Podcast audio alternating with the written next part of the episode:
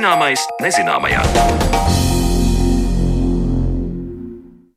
Esiet sveicināti, skanēt sāk redzējumu zināmais nezināmajā, un ar jums kopā esmu es Sandra Kropa. Šodien mēs parunāsim par augiem, to pielietojumu un to, kas vērtīgs atrodams to atlikumos. Nozarēs, kurās izmanto augu valsts produktus, veidojas lieli atkritumu kalni ar nevajadzīgiem augu blakus produktiem. Industrija meklē veidus, kā šos atkritumus padarīt pielietojamus, tādējādi iegūstot maksimālu labumu no izaudzētām. Kā to pēta tepat Latvijā un kādi vērtīgi savienojumi atrodami kumelīšu, kadiķu un citu augu biomasā, par to tad runāsim jau pavisam drīz. Līdz tam aicinu iepazīt sūnas un to neparasto spēju, kā sūklim uzsūkt apkārtējās vidas piesārņojumu. Daudz būs dzirdējuši, ka tīras vidas liecinieki ir ķērpji, līdz ar to pilsētā tie uz kokiem aug retāk gaisa piesārņojuma dēļ. Reizi piecos gados Latvijas zinātnieki iesaistās starptautiskā pētījumā, lai atmosfēras piesārņojumu mērītu ar sūnām. Kā to dara un ko sūnas var mums pastāstīt par vidas kvalitāti, to plašāk noskaidroja Mariona Baltkalna. Sākot jau no 1968. gada jau Skandināvijas valstīs ir veikta pētījumi, un kopš 70. gada jau piesārņojuma kartēšana veikta izmantojot sūnas. Dažādas sunu sugas, piemēram, Latvijā vispār vairāk kā 500 sugas ir, bet izmanto šo piesārņojumu noteikšanu tikai, izmantojot tikai trīs sunu sugas. 1979. gadā izveidoja Ženēvas konvenciju par robežu šķērsojušo gaisa piesārņošanu lielos attālumos, un arī ir e, ANO starptautiskā sadarbības programma par gaisa piesārņojumu ietekmi arī uz dabisko veģetāciju. Un vēl ir tāda Orhus protokols uh, par smagiem metāliem. Un šos trīs, gan protokols, gan konvencijas, mēs cenšamies izpildīt. Tas ir tas, uz kā pamata arī notiek šis projekts. Latvija ir pievienojusies šim projektam kopš 1990. gada. Un ik pēc pieciem gadiem tiek veikts šis projekts, nosakot atmosfēras vidas piesārņojumu. Šādi par starptautiska mēroga projektu ar vairāk nekā 30 valstu iesaisti, lai mērītu atmosfēras piesārņojumu ar sūnām, stāsta bioloģijas zinātņu doktors, Latvijas Universitātes bioloģijas fakultātes docents un pētnieks Guntis Tabors. Kā redzams no viņa teiktā, tad sūnu izmantošana, lai noteiktu piesārņojumu, ir jau vairākas desmitgades pazīstama metode. Par šo tēmatu tiek organizētas arī starptautiskas konferences, pirms diviem gadiem tāda notikusi arī pie mums, un par Latvijā vairāku gadu garumā iegūto mērījumu datiem Guntis Tabors kopā ar komandu šī gada sākumā iepazīstinājis arī Latvijas Universitātes starptautiskajā zinātniskajā konferencē.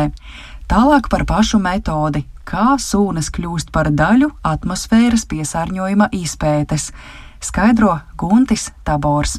Sūns aug gan uz akmeņiem, gan uz kokiem, gan uz zemes tiek izmantotas tikai tās, kas aug uz zemes. Trīs tā saucamās spalvas sūnas, no nu, latīniskos uh, nosaukt varu uh, Ptīlium kristika strensis, Hilokomium splendens un Pleurozium šreberi.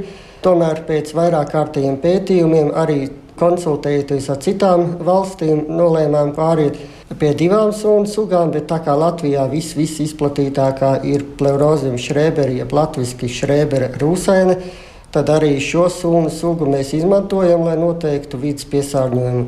Ja ķērpjas izmantojam vizuāli novērtējot, tad šeit notiek ķīmiskās analīzes. Un tā ir tā lielākā atšķirība. Mēs ievācam sunas tikai un vienīgi priežu mežos, jo tas arī pēc vairāk kārtējiem pētījumiem noskaidrots, ka ir mazāks vainagu saslēgums Jāpiemina, ka sūnas tikai un vienīgi saņem barības vielas no nokrišņiem. No augsnes, no substrāta, no jebkura veida substrāta eh, šo piesārņojumu tikai nu, pāris procentu saņem. Bet pārsvarā ir tikai un vienīgi ar nokrišņiem. Tad es pareizi sapratu, sūnas vāc tur maksimāli tajās vietās, kur tās no debesu puses pēc iespējas mazāk nosedz spriežu eh, skuju vainags. Tieši tā, jā, eh, lai eh, tikai un vienīgi nokrišņi nonāktu uz sunām, bet nevis noskalojumi no uh, koku vainaga. Jo citādi mēs novērtēsim to piesārņojumu, kas ir nosēdies uz kokiem. Jo arī skujas var izdalīt dažādas vielas, un tad radīsies papildus elementu koncentrācijas. Bet mums ir vajag tomēr noteikt, kāds ir piesārņojums atmosfērā.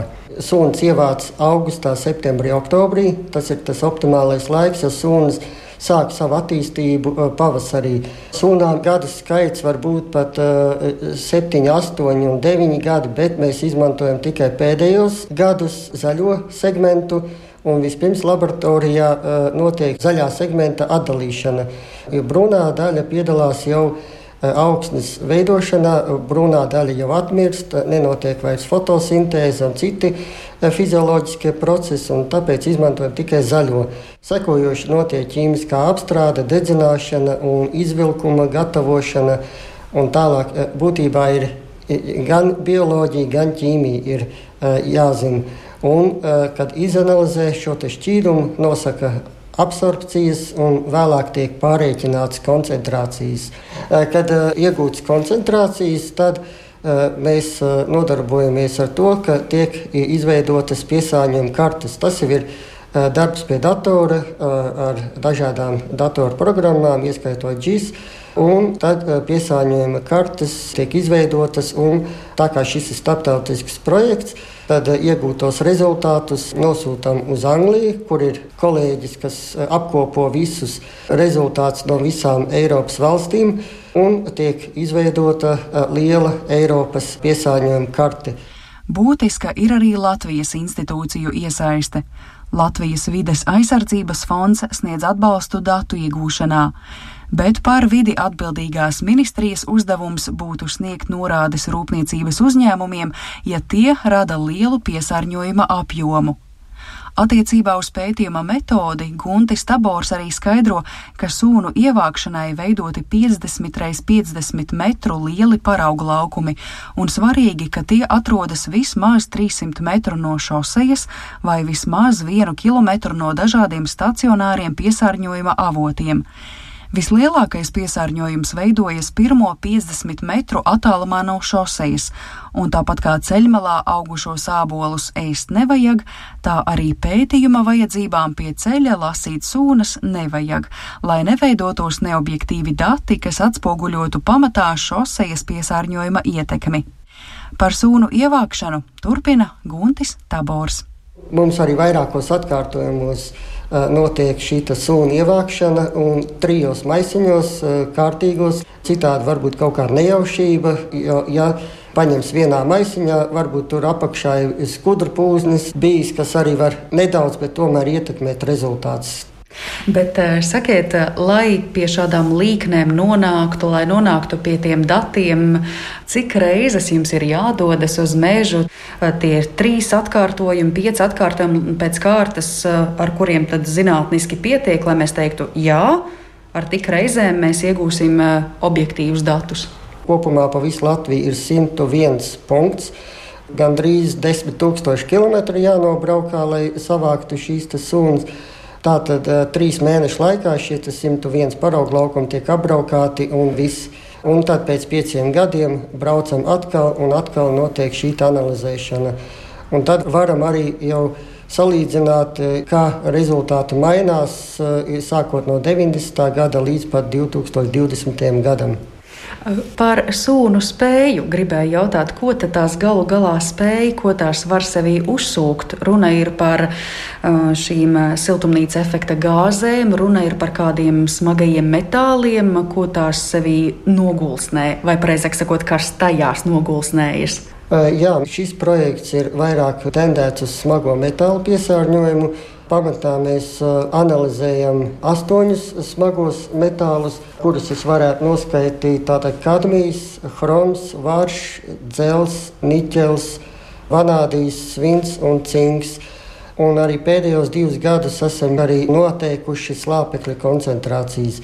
2022. gada konferencē nolēmām, ka arī polimērus varētu mēģināt izanalizēt. Ir doma, ka dažas laboratorijas, Itālija, Vācija, Šveice, varētu izanalizēt.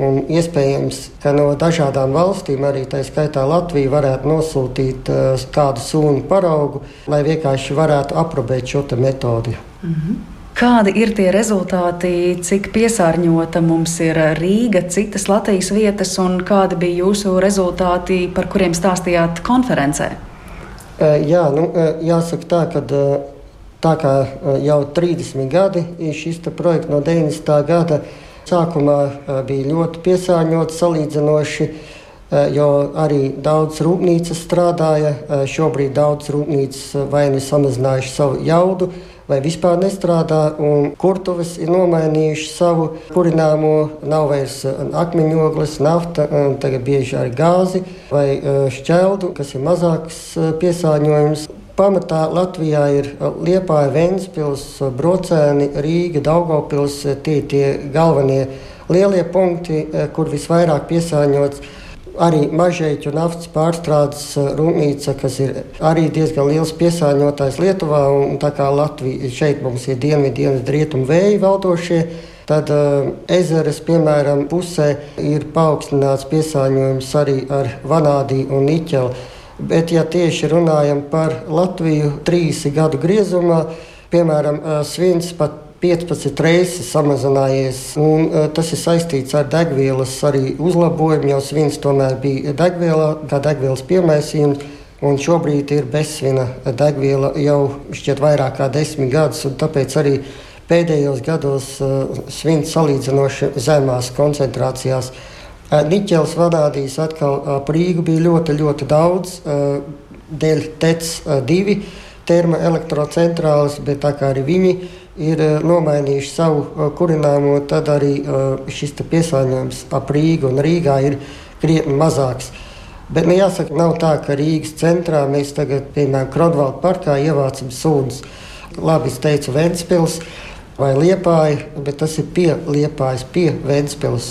Un pie Rīgas. Jā, jā. jā. Mm -hmm. Ulbraka arī netālu no Tec ir Slāpeklis vairāk jāsaka, ir eh, tieši Latvijas eh, dienvidu daļā, arī, kur auglīgākas augsnes un auglīgākās augsnes rada šos nu, mēslojumus un putekļi, un putekļi uziet gaisā. Un, nosēžās eh, ar nokrišņiem uz sunām. Jā, un Vācija, Polija tās valstis, kas rada vislielāko piesārņojumu. Jāsaka, ka daudz kas nāk arī mums no Rietuma Eiropas.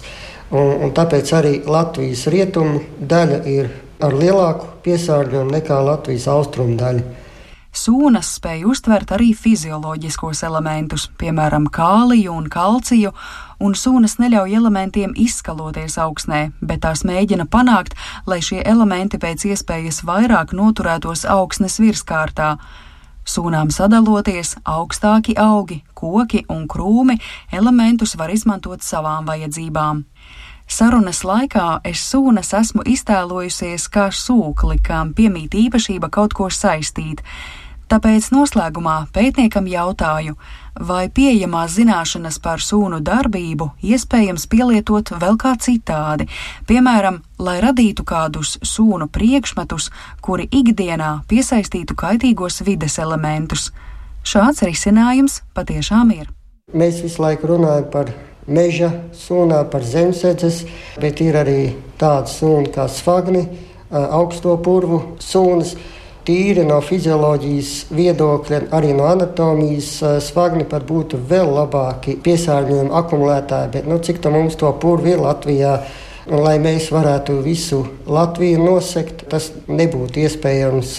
Bet svagni tiek izmantoti savādākos pētījumos.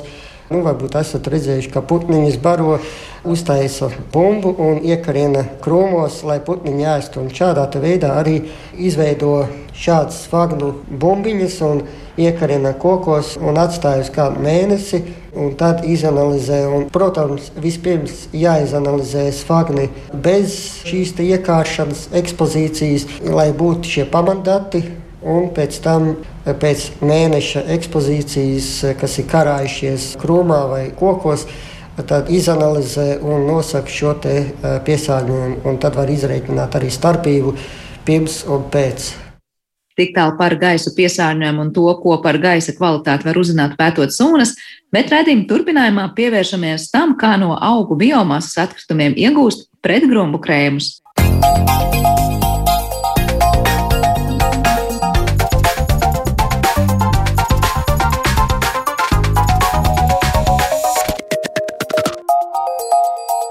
Zināmais nezināmajā. Izspiest pēdējo suliņu, tā varētu nosaukt procesu, kuru pētnieki veic meklējot vērtīgas vielas augu pārstrādes atkritumos.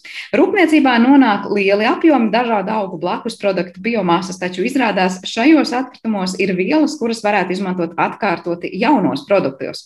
Par eh, to ir pārliecinājušies pētnieki gan Vidas risinājuma institūtā, un par to šodien vairāk runāsim turpmākajās minūtēs. Tāpēc mūsu attālinātajā studijā es veicu, sveicu Vidas risinājuma institūta ķīmijas laboratorijas vadītāju un arī šī konkrētā pētījuma projekta vadītāja zinātnisko Ilvu Nākurti. Labdien, Ilva! Sveicināti. Arī uh, uzņēmumu gan Madara kosmetikas padomas priekšsēdētāja, gan uzņēmumu alternatīvu plāns pārstāvi un pētniece Latvijas universitātes lektora Annu Ramutstundu. Labdien, Anna! Labdien! Varbūt sāksim ar to, kas tad īsti ir par pētījumu, par kādiem interesantiem procesiem mēs runājam, ka no augiem var teikt, var dabūt ārā, nu, ja tā var teikt, maksimāli visu. Ilva, varbūt es sākšu no tās zinātniskās puses un paša šī konkrētā pētījuma aktualitātēm. Jā, mūsu projektā faktiski šajā konkrētajā tiek pētīti divi pilnīgi dažādi ārstniecības augu ražošanas blakus produkti. Tātad mēs pētām, vai no šiem blakus produktiem mēs vēl varam dabūt ārā aktīvās vielas.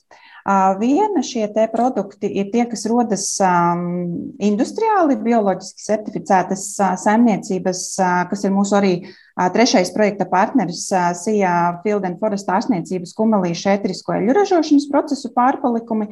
Tā izskaitā arī ārstniecības kumelīšu baltās ziedlapiņas un ētrisko eļu putas.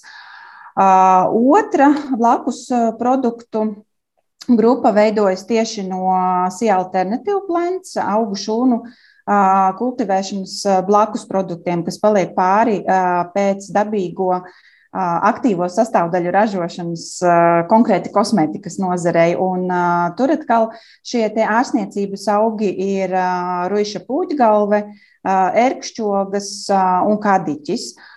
Ja mēs runājam par kumelīšu pārstrādes blakus produktiem, tad eh, līdz šim kaut kādā mērā mums ir izdevies viņus utilizēt, vai nu iestrādājot atpakaļ augsnē, vai arī nododot tālāk kādā no Sija Field and Forest ražošanas esošajiem procesiem, piemēram, izstrādājot ūdens ekstraktus jāsaka, ka tieši šī otrā blakus produktu grupa, kas rodas no augu šūnu kultivēšanas blakus produktiem, šobrīd nav tik daudz pētīta, kā viņi varētu pārstrādāt. Varbūt Anna vēl varētu papildināt nedaudz. Es, jā, paldies. Es Anna arī gribēju vaicāt, jo man pilnīgi pārsteigums bija dzirdot, ka pār, pāri paliek kaut kas no tiem produktiem, ko alternatīva plants ražo, jo mēs esam ar Annu iepriekš runājuši tieši par to, ka Nu kā jūs ražojat tieši to, ko vajag, un likās tik, cik vajag? Kas tad īsti paliek pāri un kuros gadījumos?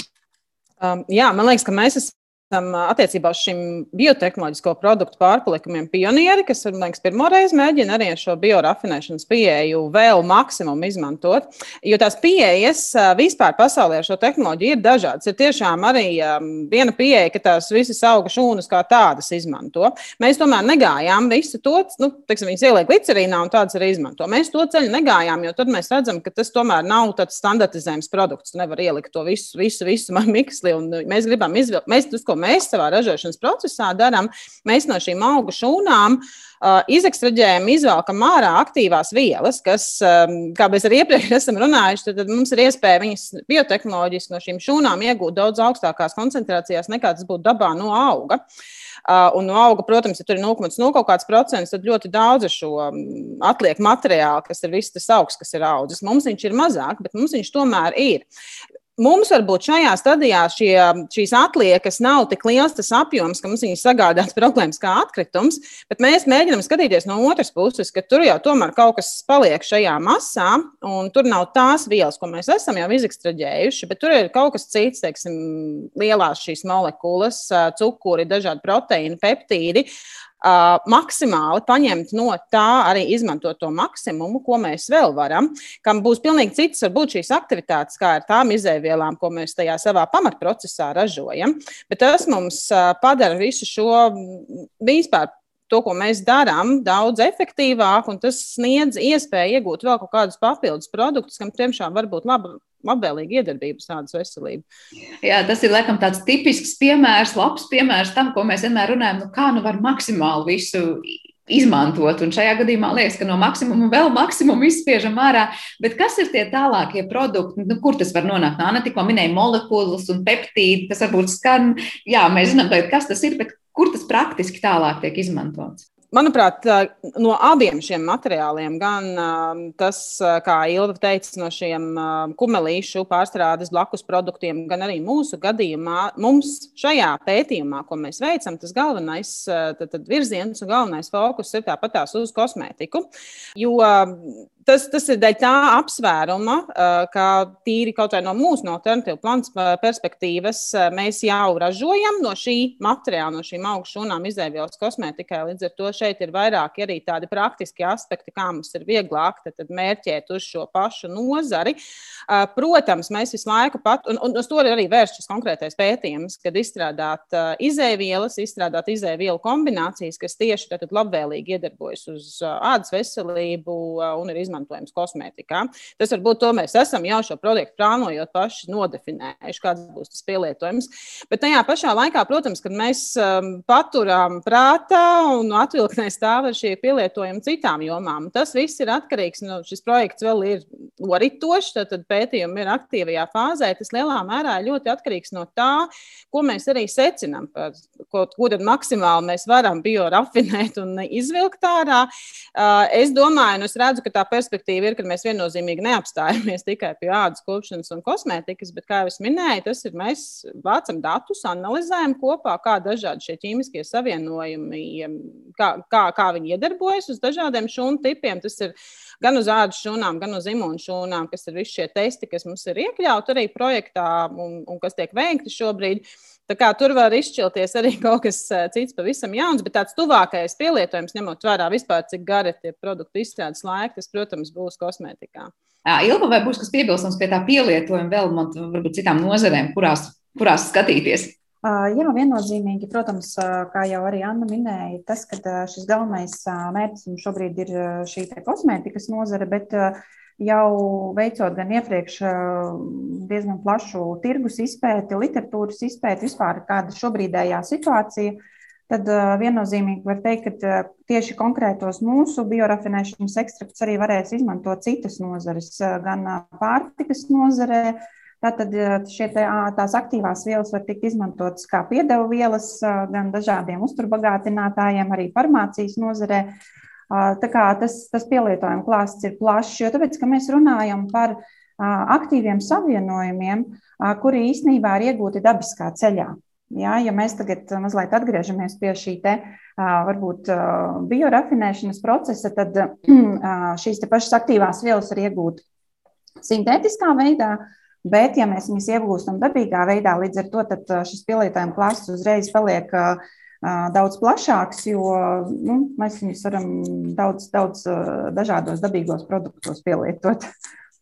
Bet, ja mēs tā iedomājamies, atkal es paturpinu to domu par to, nu, kur mēs to varam ieraudzīt, tad viss, kas dos, es nezinu, smaržu, garšu, vai es nezinu, kosmētikā, tas būs konkrēts īpašības, tur es nezinu, barot vai mitrināt vai mīkstināt. Proti, mēs runājam par tik konkrētiem pielietojumiem un tik konkrētiem efektiem, Uh, jā, jo tas, uh, tas viennozīmīgi ir arī tas mērķis. Jo uh, mums nepietiek, un vispār šāda veida izēvielu un produktu izstrādē nepietiek tikai ar to tehnoloģiju, kā tas tiek iegūts. Ir jābūt arī skaidram, kādas ir šīs labvēlīgās īpašības. Nu, principā jābūt skaidrām divām lietām. Vai tas ir drošs, īstenībā, kas mums ir ļoti liela aktivitāte, kur mēs testējam šos drošības aspektus arī.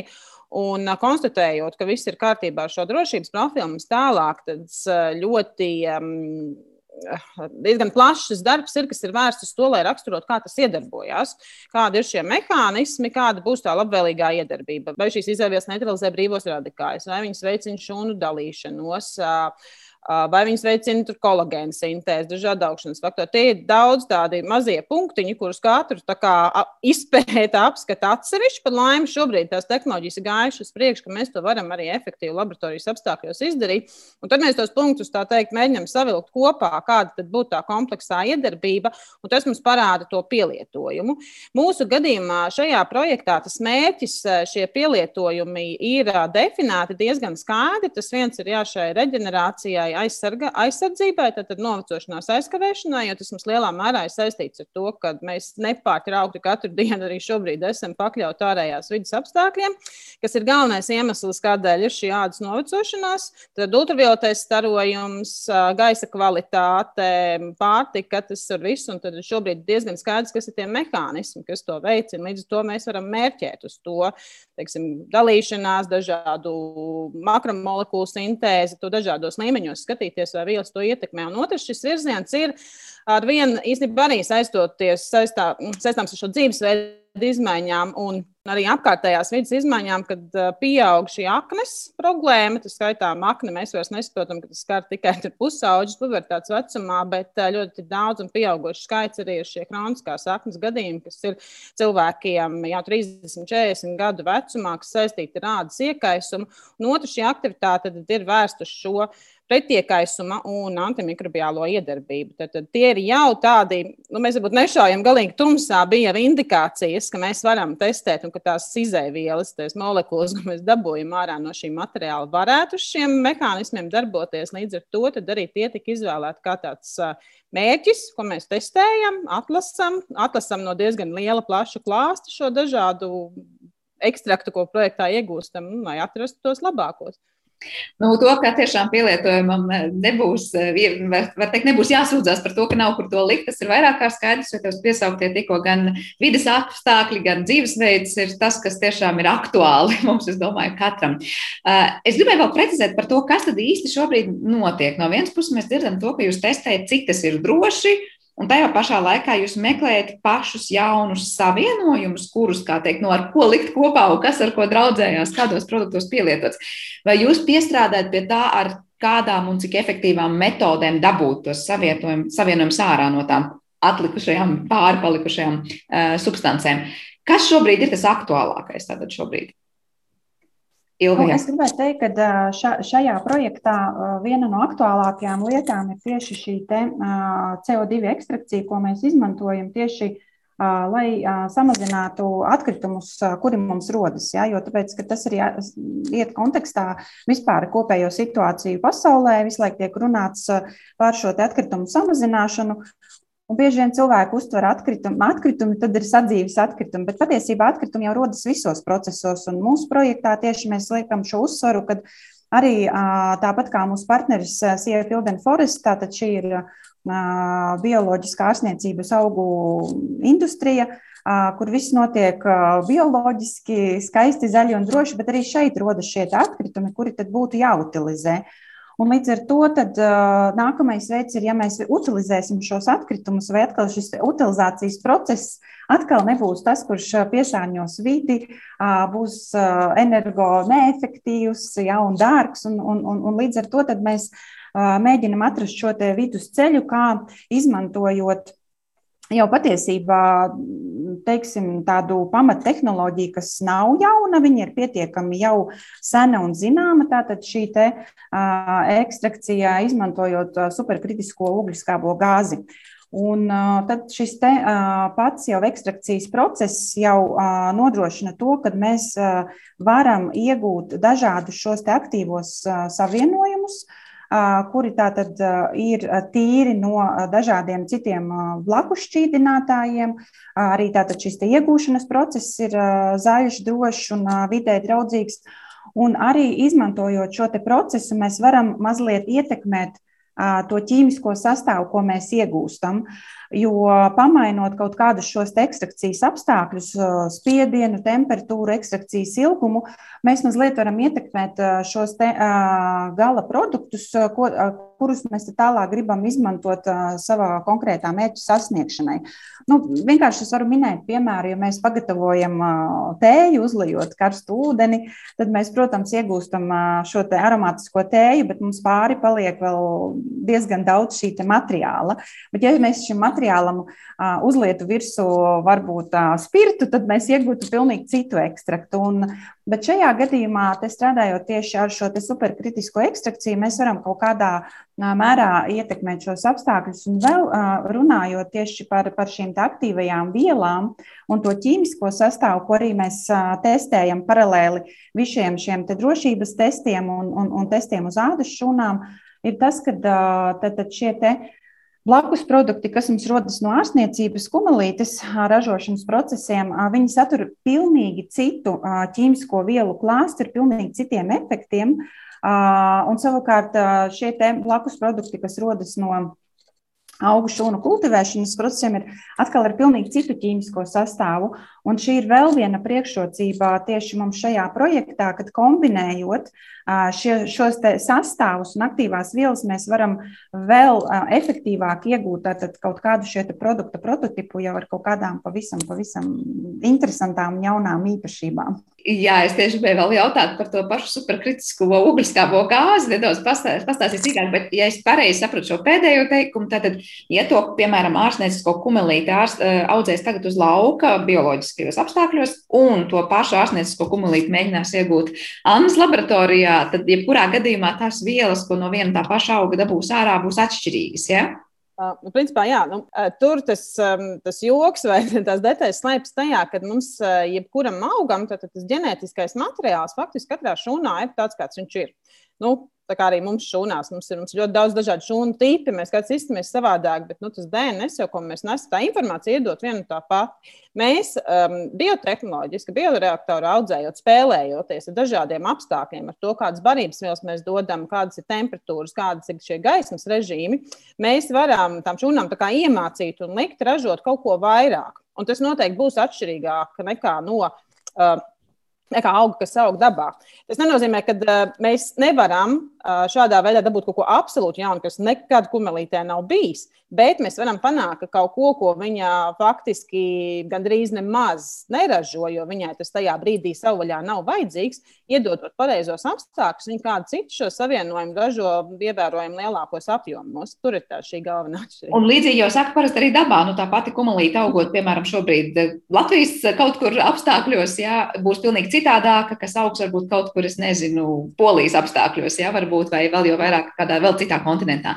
Uh, Ilvi, es gribēju pajautāt par to daudziem šausmīgi sarežģīto vārdu. Kas ir šī superkritiskā CO2 vispār ekstrakcija un kāpēc tāds nosaukums? Nu, superkritiskā ekstrakcija, kā jau iepriekš minēju, tātad šī tehnoloģija jau patiesībā pastāv vairāk nekā gadsimtu, un, un šobrīd jau ļoti daudz nozares to izmanto tāda tīra materiāla apstrādēja ieguvēja.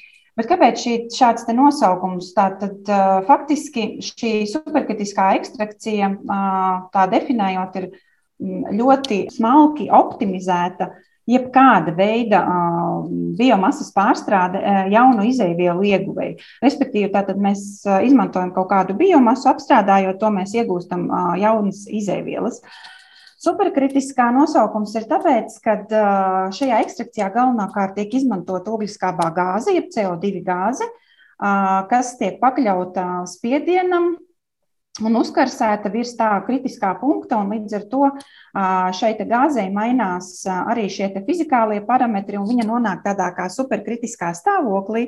Un tajā brīdī, kad viņa iedarbojas uz šo materiālu, ko mēs gribam apstrādāt, viņa var darboties gan kā šķīdums, gan kā gāze. Un tas ir tas, ko es iepriekš arī minēju. Ja mēs gribam dabūt kaut kādas aktīvās vielas ārā, tad, tad iedomājieties biomasa.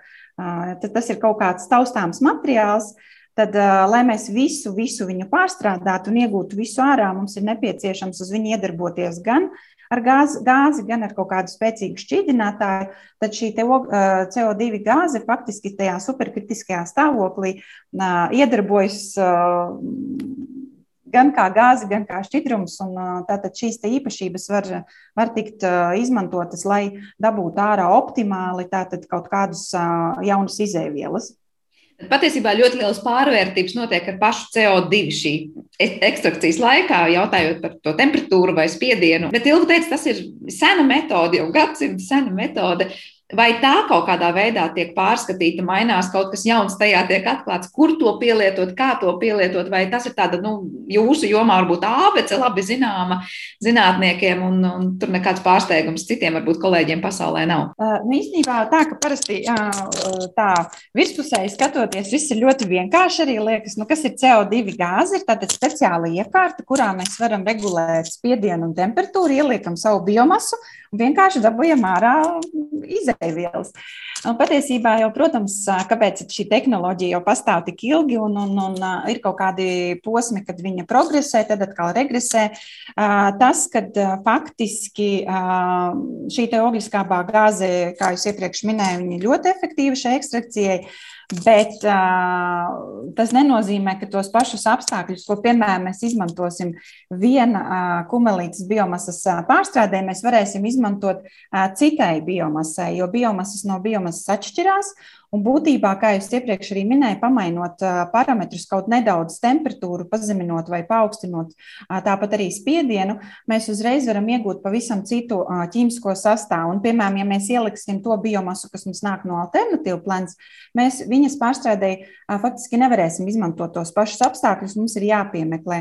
Līdz ar to tehnoloģija pati par sevi it kā ir vienkārša, bet tajā pat laikā ir tie, šie izaicinājumi, kā pareizi izmantot šo rīku, lai mēs iegūstam šo izaicinājums izēju materiālu, kurš būs arī ekonomiski izdevīgs un efektīvs, lai nav tā, ka mēs iegūstam izēju materiālu, bet viņš ir trīs zelta stieņu vērtībā un neviens viņu negribēs tālāk izmantot. Ja, tad arī tam, tam nav tādas nozīmes. Bet jāsaka tā, ka nu, varbūt tāds populārākais pēdējos gados pielietojums šeit superkritiskai ekstrakcijai ir tieši kanabidolu ekstrakcija no kaņepēm ļoti efektīvi notiek tieši medicīnas virzienā.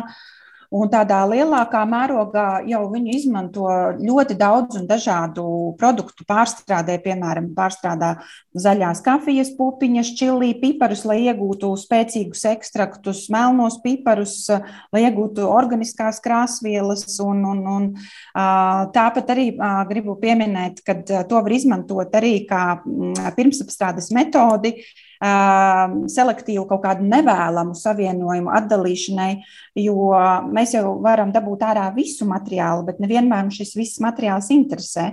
Un kā piemēru varētu pateikt, piemēram, kā iegūst uh, kafiju un tēju bez kofeīna, arī faktiski izmantojot CO2 ekstrakciju, vienkārši dabūjot ārā kofeīnu un tālāk jau šo materiālu pārstrādājot. Ja, tā kā šie virzieni ļoti, ļoti daudz un dažādi labs aspekts, tiešām, ko paturēt prātā. Mēs parasti runājam par to, kā dabūt to, ko vajag, bet ļoti bieži vajag dabūt ārā to, ko nevajag tieši. Ne? Jā, jā, jā. Par to biomasu gribēju precizēt. Labi, protams, ir citādāk, ja tā biomasa nāk no alternatīvas plānas, piemēram, vai no lauka reāliem augiem, bet vai arī vajadzēs tur to piemērot un kaut ko mainīt, ja no tā lauka nāks, nezinu, nevis kumelīšu lapiņas, bet kliņģerītas lapiņas. Vai tur tomēr nebūs tik ļoti jāspecializējas gandrīz vai katram augam sava piemērotā metode? Metodi jāmeklē, kā ko ekstraktēt.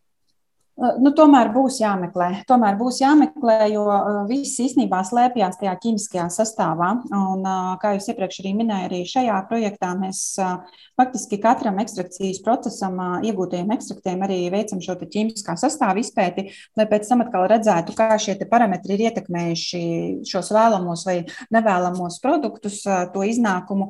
Un, piemēram, ārstniecības kumelītes satur ļoti daudz ētriskās eļļas kas, protams, pilnīgi citādā virzienā dos šo produktu, kādā veidā mēs viņu iegūsim. Savukārt, atkal kliņģerītes satura pilnīgi cita veida savienojumus, kuru, kuru iegūšanai varbūt vajag augstākas temperatūras, zemākus spiedienus vai arī otrādāk. Tas, tas, tas nu, viennozīmīgi nebūs tā, ka vienos tajos pašos apstākļos varēs strādāt. Tas jubileārs cienīgs darbs, tad sanāk, jā, jā. pilnīgi kā draugu. Es gribēju vaicāt, cik liela ir tā jūsu komanda, jo liekas, nu, prātam neaptveram, ka no vienas puses katrai kultūrai ir jāpiemeklē tā labākā ekstrakcijas, varbūt apstākļu, vai, es nezinu, buķete. Tad tajā pašā laikā Anna minēja par to, ka notiek testi jau uz to, cik droši tas ir, pēc tam vēl uz īpašībām, ko tā konkrētā viela dara, lai mēs saprastu, kur to pielietot. Cik ļoti, es nezinu, multifunkcionāli ir tā jūsu komanda un, un ļoti daudz šautņēni. Anna varbūt var. Um, jā, nu, no mūsu puses. Uh, tas ir, ja mēs runājam tieši par um, alternatīvu plānu, mēs esam komandā septiņi cilvēki. Protams, visi nav iesaistīti šajā projektā, bet nosacīti dažādi šie paraugu sagatavošana, iesaisti dažādos testos. Uh, lielā mērā ir varbūt kādam, kas uh, pieliek to roku, bet varbūt nav, nav bijis no sākuma vai nav patstāvīgi iesaistīts šajā projektā. Projektā mēs uh, šeit strādājam patstāvīgi un tiešām to savu laiku un, un, un idejas uh, veltam kā, nu, visu laiku trīs trīs cilvēki. Protams, ka tā kapacitāte uz to cilvēku apjomu nav tik liela, bet tāpēc mēs, un tas ir normāli arī šādos pētījumos, mēs ļoti daudz izmantojam arī partneru iespējas, kas, piemēram, arī šo dažādu tādu, nu, daļu šo testu arī, kas ir iedarbības un drošības daļu, mēs veicam paši saviem spēkiem, bet daļu mēs sadarbojamies ārpakalpojumu veidā ar zinātniskajām institūcijām, institūcijām, kas ir šeit Latvijā, kas mums palīdz efektīvāk, kuriem ir lielāka šīs kompetences un tikt pie šī rezultāta. Ilvai, droši vien noslēdzot jau pamazām šo sarunu, teikšu par to, jā, varbūt ir kas komentējums vēl par to komandu, kāda tā ir. Un par tiem tālākajiem soļiem, nu, liekas, nu, kad, kad būs tas, tas pielietojums jau atrasts tāds, ka mēs varēsim redzēt, ka šeit ir vai nu konkrēti sejas krēms vai kāds cits pārtiks produkts, kurā jau tieši no šiem augiem, no šī, ar šīm metodēm ir atrastas tās vajadzīgās vielas. Mm -hmm.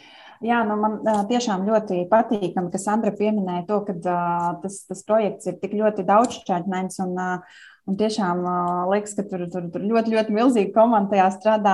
Uh, bet nu, būtībā mums ļoti daudz vidas risinājuma institūtā tiek realizēti um, tad, tad Eiropas reģionālā fonda projekti, kur uh, tiešām cilvēki uh, var teiksim, ar, ar savu intelektuālo īpašumu, kas mums ir, uh, pie, nu, teiksim, piedalīties daudz un dažādos procesos. Un, uh, Es domāju, ka tā pamata doma ir labi izstrādāts eksperimenta dizains. Un, kā jau arī Anna iepriekš pieminēja, mēs ļoti daudz arī savstarpēji komunicējam. Jāsaka, ka mums jau komanda ir tāda diezgan pieredzējusi. Katra savā nozarē ir diezgan jau ar, ar tādu diezgan lielu pieredzi. Teiksim, partneris Ija Filden Forest ir ar ļoti lielu pieredzi ārstniecības augu industrijā. Faktiski lielākie ārstniecības augu ražotāji un pārstrādātāji Baltijas valstīs.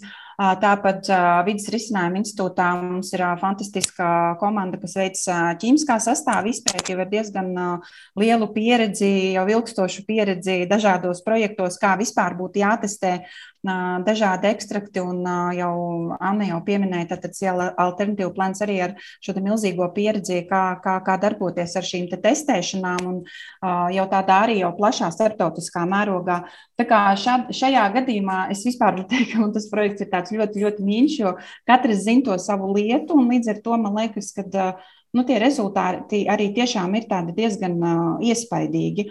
Un, ja mēs tieši runājam par šīm nākotnes iecerēm, tad, nu, protams, mums jau projektā ir jānodefinē kaut kādi konkrēti rādītāji, ko mēs gribam sasniegt. Un, protams, tas pamats mums šobrīd ir izstrādāt kosmētikas industrijai paredzētu uh, produktu prototipu. Tā kā tādu varbūt produktu kā sejas krēmu projekta beigās mēs varbūt neieraudzīsim, bet būs tātad šis prototips, kur jau būs izstrādāta gan šī formulācija no ķīmiskā aspekta, skatoties gan no testēšanas, no vispārējā, un arī tās rekomendācijas, kā viņas lietot.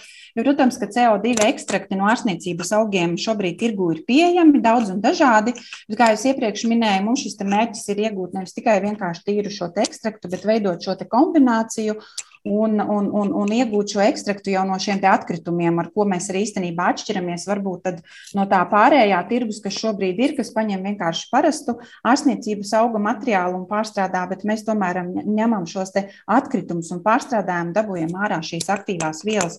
Vienkārši jāpiebilst to, ka šobrīd mums projekts ir tieši tādā vidu, vidū, un mēs esam jau diezgan labi apzinājušies šos te jau rezultātus, kas mums ir iegūti. Es tiešām esmu arī priecīga par to, kas jau ir, ir sasniegts, jo tiešām rezultāti ir ļoti, ļoti, ļoti labi. Mēs jau iegūstam šīs aktīvās vielas, un, un tiešām šie ekstrakti satur ļoti daudz dažādas tiešām aktīvās vielas, kuras ir aprakstītas, kurām ir šis potenciāls gan kosmētikas nozarē, gan, gan, gan, gan farmācijas nozarē. Tā kā, nu tā, es ļoti, ļoti cerīgi uz to visu skatos. mēs arī cerīgi uz to visu klausāmies, tāpēc, ka, ja projekta vidū jau ir tik ļoti daudzsološi rezultāti, tad es domāju, ka tās eh, projekta beigu fāze būs vēl daudzsološāka, un es domāju, ar nepacietību gaidīsim, ka nu, tiešām ne gluži projekta beigās, bet varbūt vēl pēc tam veikalu plauktos būs šie sejas krēmi, kur ne tikai būs labi, nezinu, atrastas vielas, kuras ir vajadzīgas, bet mēs varēsim teikt, nu, tas ir aprites ekonomikas piemēru piemērs, ja, kad tas labais un vajadzīgais ir paņemts ārā no tā, kas citkārt būtu izmests, un katrā ziņā, ja vēl atrastas tās īstās īpašības, kas varbūt ir kaut kas jauns, kaut kur neredzēts vai kaut kur neatrasts, tad pavisam noteikti ir kaut kas, ko visi novērtēsim. Paldies jums abām par šo sarunu. Es atgādināšu, ka bijām kopā ar uzņēmumu Madara kosmetikas padomus priekšsēdētāju un arī uzņēmumu Alternative Plans pārstāvi, tātad pētnieci Annu Ramatu Stundu, kā arī Vides risinājuma institūta ķīmijas laboratorijas vadītāju Ilvu Nākurti.